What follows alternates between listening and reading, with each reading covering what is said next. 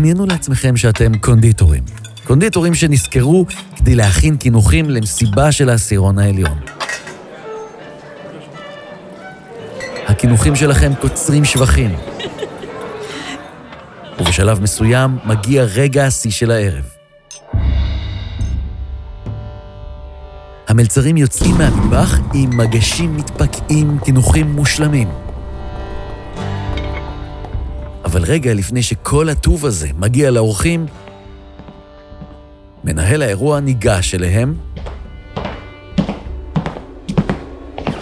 ומוזג מעל הגלידות והמאפים המושקעים כל כך סירופ שוקולד זול ודביק.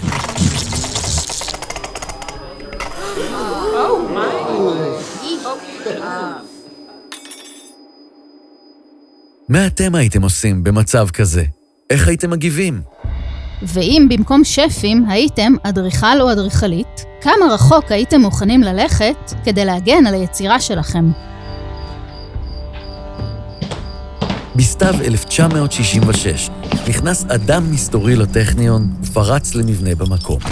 המבנה, אותו הטכניון ייעד לפקולטה להנדסת מכונות, נקרא בניין דנציגר. אותו פורץ לא חיפש כסף או ציוד או פריטים יקרי ערך אחרים, והוא גם לא רצה לגנוב תשובות לאיזה מבחן גדול. המטרה היחידה של הפורץ הייתה לחבל במסגרות החלונות. מבחינתו, לא היה מדובר בהרס, אלא בהפך הגמור, בתיקון.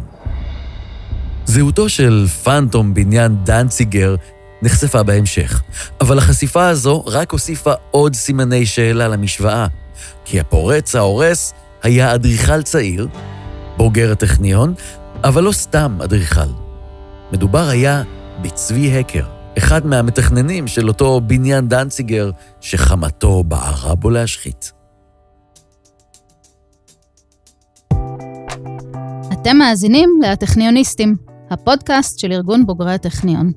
בפרק פתיחת העונה השלישית, אנחנו מדברים על ההיסטוריה המוזרה של בניין דנציגר. מה דחף אדריכל צעיר לפגוע דווקא בחלונות המבנה, אחרי שהספיק לחולל מהומות במקום מול שר בכיר, ומה פסק בית המשפט באשר לאותו בניין. הטכניוניסטים, הפודקאסט של ארגון בוגרי הטכניון.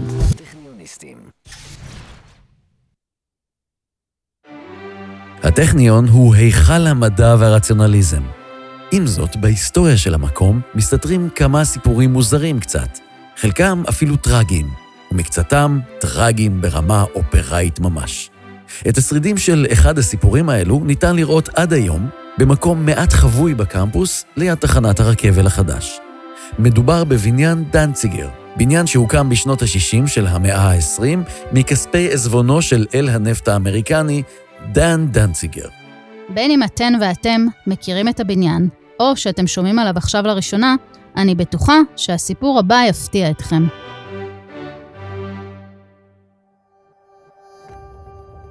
כדי להבין את הסיפור של בניין דנציגר, אנחנו צריכים ללכת אחורה בזמן. ממש ממש אחורה. לשנת 1900. השנה שבה נולד אלפרד נוימן.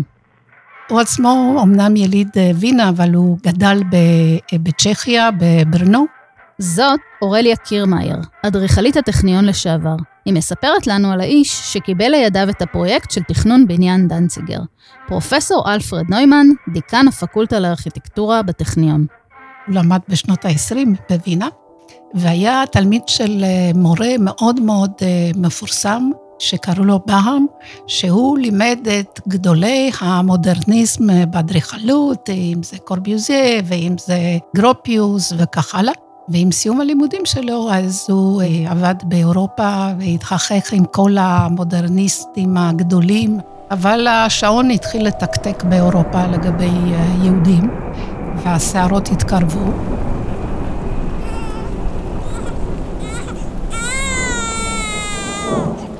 בשקט שלפני מלחמת העולם, הגיח לאוויר העיר קרקוב שבפולין תינוק בשם צבי תדאוש הקר. משפחתו, שכבר הריחה את הסכנה המתקרבת, ארזה הכל וברחה לסיביר.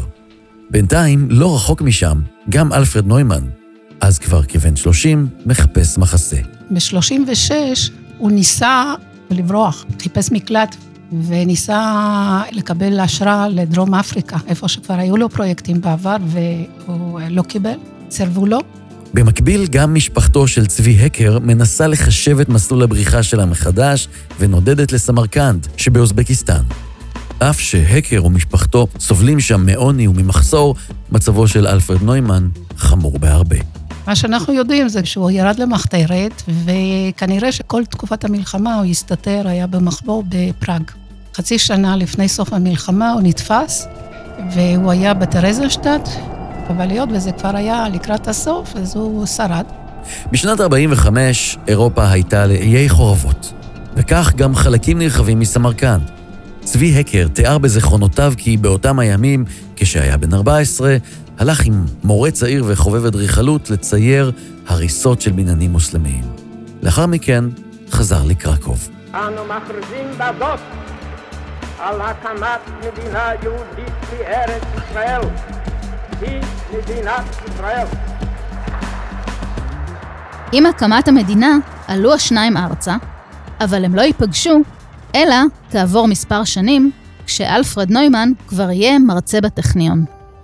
ודי מהר, ב-52 הגיע לטכניון.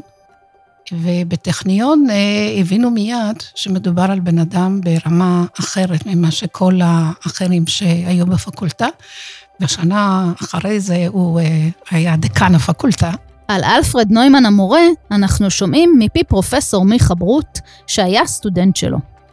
הוא היה מאוד אה, מרוסן, מאוד לא הא-הא, עם תובנות ותבונה.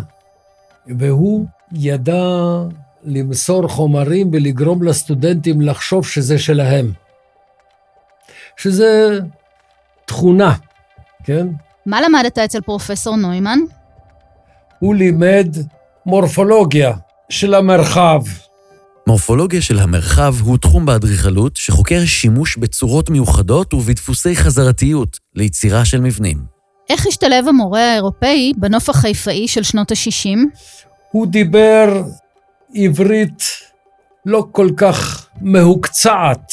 היה מערבב בזה ניבים, לא יודע מאיזה שפות. נדמה לי גם גרמנית, גם וכולי. אתם חושבים רק גרושים גרושים. אחד התלמידים שהצליחו לתפוס את תשומת ליבו של נוימן היה צבי הקר.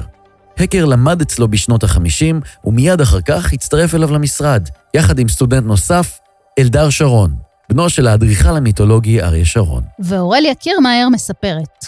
צבי חקר ואלדר שרון היו תלמידים של אלפרד נוימן, ושניהם אה, החליטו לגשת לתחרות שהייתה באותה תקופה לתכנון עיריית בת ים. הם שניהם זכו בתחרות, אבל היות והם היו מאוד מאוד צעירים ולא התנסו הלכה למעשה בבנייה אף פעם, ביקשו מהמורה, מאלפרד נוימן, להצטרף אליהם. החבורה קיבלה את פרויקט בית דובינר ברמת גן, פרויקט שעלה על סרטון. השלישייה הוחרמה על ידי היזמים. גם המכרז על בניין עיריית בת ים הידרדר למסכת השמצות שהסתיימה בפיטורי השניים. המקרה המפתיע ביותר התרחש כאשר צבי הקר קיבל ממשרד השיכון את ההזדמנות לתכנן 20 בתים בכפר הערבי עין רפה שליד ירושלים. הקר תכנן גגות אסבסט מקומרים שלא מצאו חן בכלל בעיני המקומיים. כאשר אחד מהפקידים העלה את הנושא בפני הקר, הקר השיב כי דבריו נגועים בלא פחות מתעמולה אנטישמית.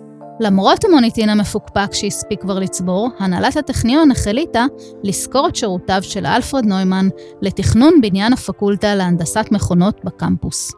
הייתה תקופה אה, שכל המבנים בטכניון בקמפוס תוכננו על ידי מרצים. זה עמרי זילקה. אה, עמרי זילקה, אדריכל חיפאי, בוגר הפקולטה לארכיטקטורה בטכניון, בעל תואר שני בעיצוב אורבני בצלאל, ומי שעומד מאחורי הבלוג פינת רחוב, שמדבר על אדריכלות, אורבניות, עירוניות בחיפה בלבד. עכשיו מרצה זה לא סתם בן אדם שמלמד, זה בן אדם שבא מעולם תיאורטי מסוים, שלפעמים מפתח תיאוריות מסוימות, בספרים, במחקרים, במאמרים, במה שלא יהיה. בתקופה שאנחנו מדברים באמת הייתה איזושהי החלטה שמרצים מהטכניון הם אלה שבונים את המבנים. ואז, תחשוב שמרצה בא עם עולם התיאוריה שלו, וגם מתכנן את המבנה לפי התיאוריה, ויש איזשהו הדהוד בין האקדמיה לבין הפרקטיקה. אז כמו שאמרנו, בשנת 1960, אלפרד נוימן מקבל משימה מהנהלת הטכניון, לתכנן את המבנה החדש שישמש את הפקולטה להנדסת מכונות. המבנה גם נועד להיות האב טיפוס של בנייני הפקולטה להנדסת מכונות שייבנו בהמשך. לצורך התכנון גייס נוימן את אלדר שרון ואת צבי הקר. השלושה תכננו את הבניין במשך שנתיים, והצליחו לקבל כמעט את כל האישורים שנדרשו. אבל בשנת 63 נפל דבר. חבר הנאמנים של הטכניון שינה את דעתו לגבי המבנה, והפרויקט כמעט ועבר לאדריכל אחר. היו לכך שתי סיבות, אותן נמנה יחד עם פרופסור מיכה ברוט. הסיבה הראשונה הייתה קשורה לאהבה אסורה ולחתונה שהביאה לנידוי. בשנת 1962, הפרופסור, אז בעשור השביעי לחייו, הכיר אישה שהייתה צעירה ממנו ב-40 שנה.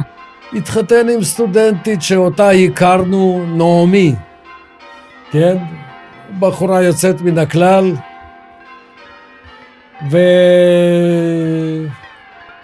ובמציאות השמרנית שלנו, איכשהו לא התייחסו לזה בסובלנות הראויה. אבל כנראה שזה לבדו לא גרם לנידוי. הסיבה השנייה הייתה קשורה לצורה של המבנה. בפקולטה להנדסת מכונות רצו מבנה פרקטי, מעשי, הגיוני, שיתאים למעבדות מורכבות ולציוד הנדסי וטכני.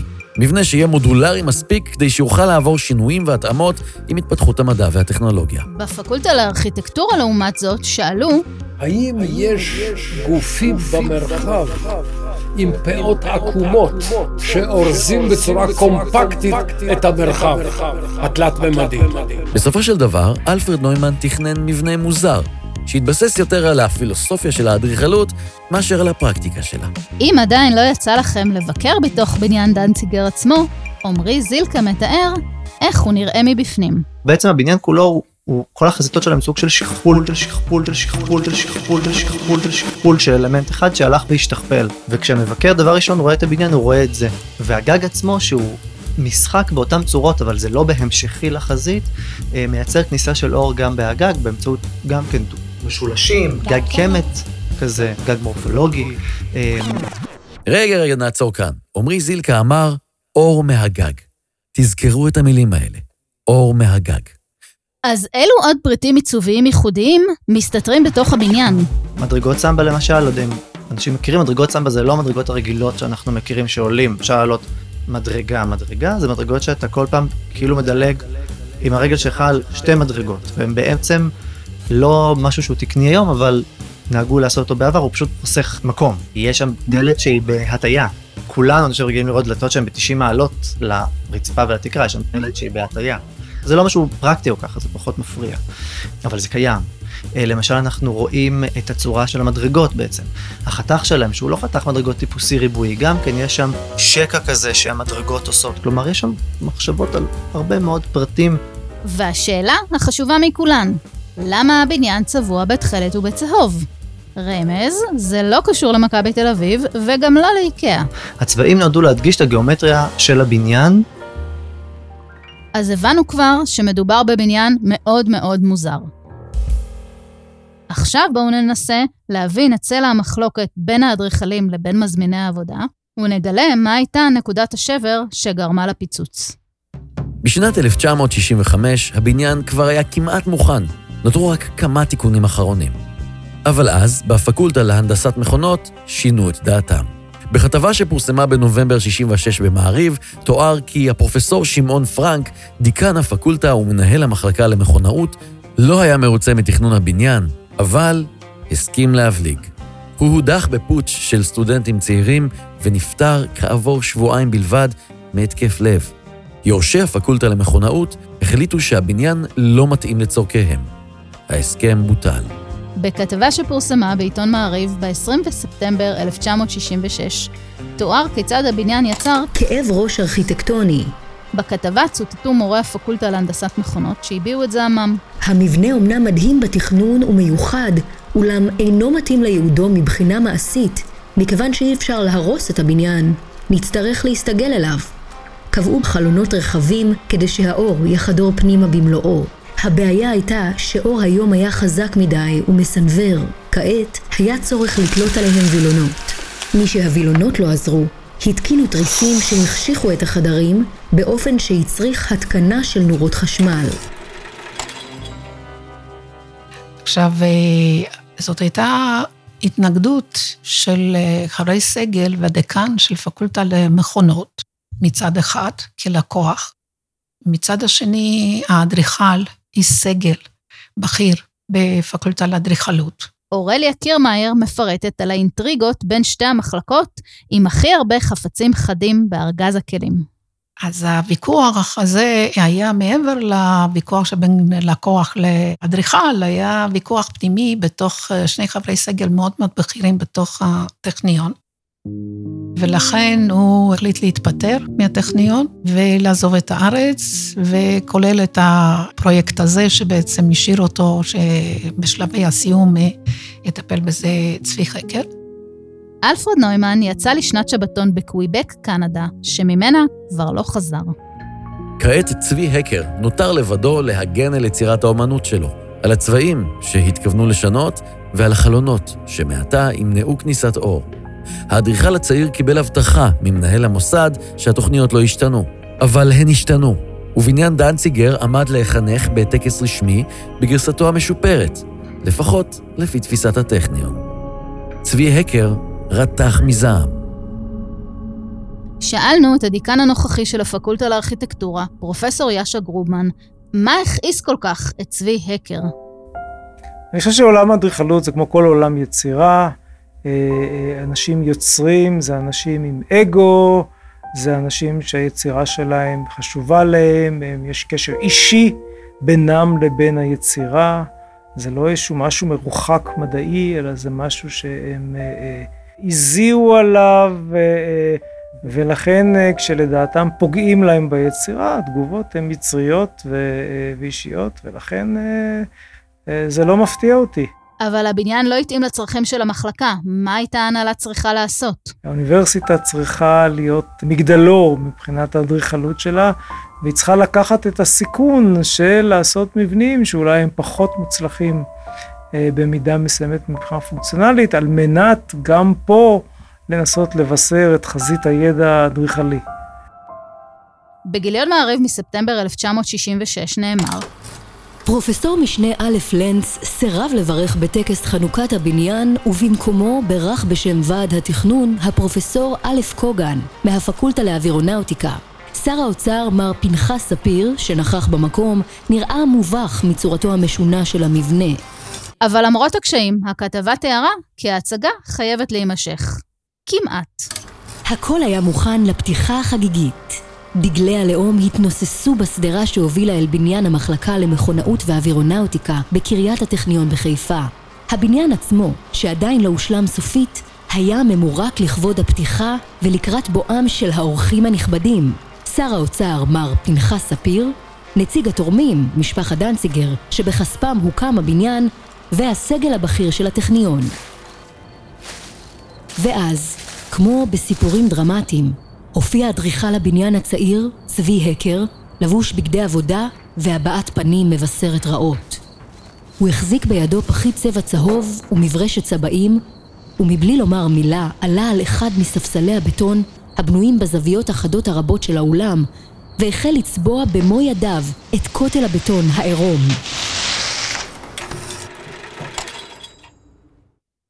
בתגובה, מנהל המוסד הבטיח שוב להקר כי השינויים לא יבוצעו וכי לא יתקנו תריסים על החלונות.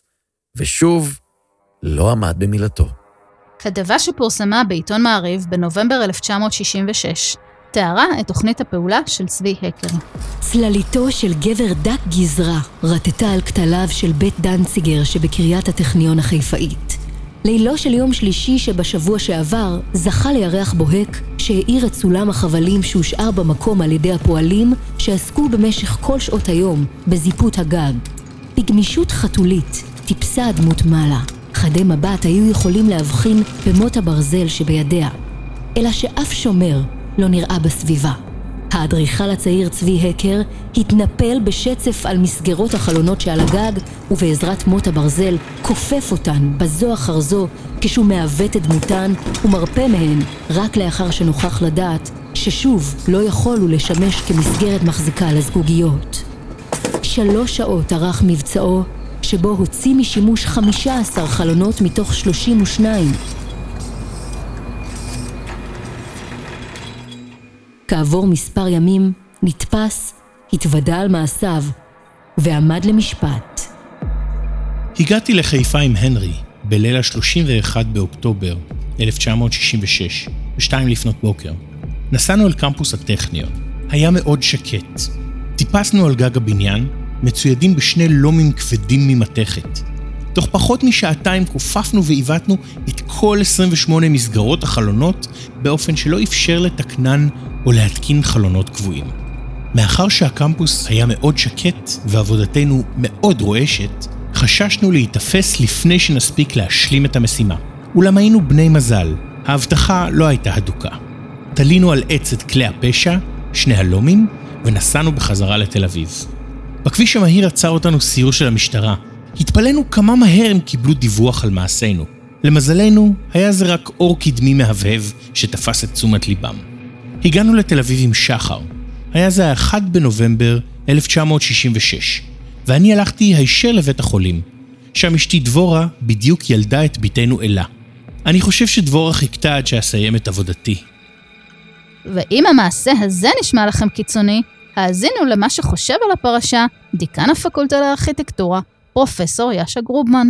אני יכול להגיד שמתוך הניסיון שלי כאדריכל, קרו הרבה מקרים שבהם טעויות בבנייה, החלטות של מנהל פרויקט והחלטות של יזם אה, הצדיקו בעיניי פעולויות כמו של הקר. כיוון שאני בן אדם קצת יותר רגוע, לא נותר לי אלא רק לקנות ביכולת שלו ובזמן ההוא שאפשר היה לעשות את זה, ולצאת עם זה בזול יחסית. גם פרופסור מיכה ברוט רואה את המעשה בהבנה. להגיד לך את האמת, אני קראתי להקר תמיד השובב, אבל במובן החיובי. הוא היה משתובב במובן זה שהוא לא הלך לפי הכללים. בעיניי זה מכובד. אז יכול להיות שאולי הוא השאיר אחריו בניין שהוא מאוד מאוד מרשים, אבל אני חושב שבפנים היה לו אולי, לא אישוז עם הבניין, כנראה ימין בבניין, אישוז עם איך מתכננים בארץ, איך מתייחסים לאדריכלים בארץ, איך מתייחסים לתכנון בארץ, שזה מלווה אותנו עד היום, זה לא נעלם. חזרנו לאדריכל עמרי זילקה, שסיכם את שלב עדויות האופי. כעת נמשיך לשלב הבא של הפרשה, השלב המשפטי. צבי הקר, שכזכור לקח את החוק לידיים, החליט גם לתבוע את הטכניון, בטענה שהשינויים שעתידים להיערך בבניין מפרים את זכויות היוצרים שלו בתור אומן. ב-11 בדצמבר 1966 נכתב בעיתון למרחב על ההחלטה המפתיעה של השופט בפרשה. צו מניעה אוסר על הנהלת הטכניון לצבוע את בניין דנציגר בניגוד לתכנון האדריכלים. הצו ניתן על ידי השופט המחוזי זין יהודאי לבקשת מתכנני הבניין. לדבריו של השופט, אם יצבע הבניין בניגוד לתוכניתם של האדריכלים, עלולה להיפגע זכות היוצרים שלהם. ההסכם בינם לבין הטכניון, יש בו כדי לפגוע בשמם הטוב ובמוניטין של המבקשים, וזהו נזק שאינו ניתן לתיקון. המאבק מול הטכניון הסתיים כעבור חמש שנים. בפשרה שהושגה, האדריכל הקר ויתר על המשך תכנון הפרויקט בתנאי שיינתן לו להשלים את הבניין בהתאם לתכנון המקורי. עוד הוא ויתר על תמלוגי עתק בסך של כחצי מיליון לירות. בסופו של דבר, צבי עבר לברלין, שם הפך אדריכל בעל שם עולמי. בשיחה שערך בשנת 2015 עם האדריכל ולדימיר בלוגולובסקי, צבי הקר סיפר: אני מקווה שהעיצובים שלי ייתפסו בתור יצירות אומנות אדריכליות בעתיד. אבל מי יכול לדעת מה יהיה? אנחנו גם לא יודעים מה יהיה עם הילדים שלנו, ולאילו אנשים הם יהפכו. עלינו לספק להם את החינוך הטוב ביותר האפשרי. זו המהות של תהליך העיצוב, הרחבת האינטליגנציה של העיצובים שלנו. צבי הקר המשיך כאמור לקריירה בינלאומית לאחר ההישג בבית המשפט מול הטכניון. אך במשך כל אותו זמן, המורה שלו כבר לא היה בין החיים כדי לשמוח איתו. שנתיים אחרי שהוא עזב את הארץ, הוא נפטר בגיל 68. על סופו הטרגי של נוימן מספרת אורליה קירמאייר. אם זה לא מספיק מבחינת הטרגדיה, אז גם אשתו, נעמי, הצעירה, נפטרה בגיל 45, והילדה שלהם, אנמרי, אה, נשארה יתומה בגיל 22 או משהו כזה, מאמא וגם לאבא. איך קרה ביניהם הדבר הזה, איזה כימיה הייתה שם, אני יכול רק לנסות אה, לדמיין, כן? אז התקלה הנהדרת הזאת שקרתה להם, אני מקווה שהם נהנו, ושנות חייהם האחרונות היו מסיבה אחת גדולה. פקולטה למכונות עצמה, גם היא קצת נדפקה מהעסק הזה, מפני שאת הבניין הזה הם לא אהבו, והם לא רצו כל כך לפעול בו. מצד שני, הם היו צריכים שטח, אז אה, יחסית אה, מיד בנו להם איזה כמה בניינים טרומיים. ובהמשך, אה, יותר מאוחר נבנה להם הבניין ליידי דייוויס בשיתוף אווירונאוטיקה, ורק עשר שנים האחרונות נבנה להם אה, בניין דייוויס, שזה מזוהה אכן עם מכונות. כלקח מהפרשה, הנהלת הטכניון הפסיקה מאז לתת למנהלי המחלקה לארכיטקטורה לתכנן את הקמפוס. שאלנו גם את עמרי זילקה. הוא שימש למעבדות כל השנים, כלומר היה בשימוש, אבל איזשהו שימוש שהוא כזה בין לבין, אף אחד לא אימץ אותו, והוא גם באמת אה, הוזנח לאורך השנים, ו, וזה לא ראוי, כלומר, זה באמת בניין שהוא masterpiece, הוא התפרסם בירחונים בינלאומיים, כאילו, הוא, הוא, הוא שם את ישראל על המפה במקום של אנחנו עושים אדריכלות חדשנית לאז. אבל הטכניון פניו לעתיד. ואולי עכשיו, עשרות שנים לאחר השלמת הבנייה, שיפוץ מקיף שמתרחש בבניין בימים אלה, יעניק לו מעט מהכבוד שמגיע לו. כבוד שמעולם לא קיבל. אולי עכשיו נוכל להתייחס ל masterpiece האדריכלי, המסוכסך והמעט עזוב הזה, מזווית קצת אחרת. אז אם אתם מבקרים בטכניון, בואו לראות את בניין דנציגר. אין צורך להביא דלי צבע. בניין דנציגר יפה בדרך שלו. הטכניוניסטים, הפודקאסט של ארגון בוגרי הטכניון. מגישה רותי דונג, מעצב סאונד עומר סנש, תסריט מור די.אי חנני, עורך עידו קינן, הופק על ידי פודקסטיקו. הטכניוניסטים. הטכניוניסטים.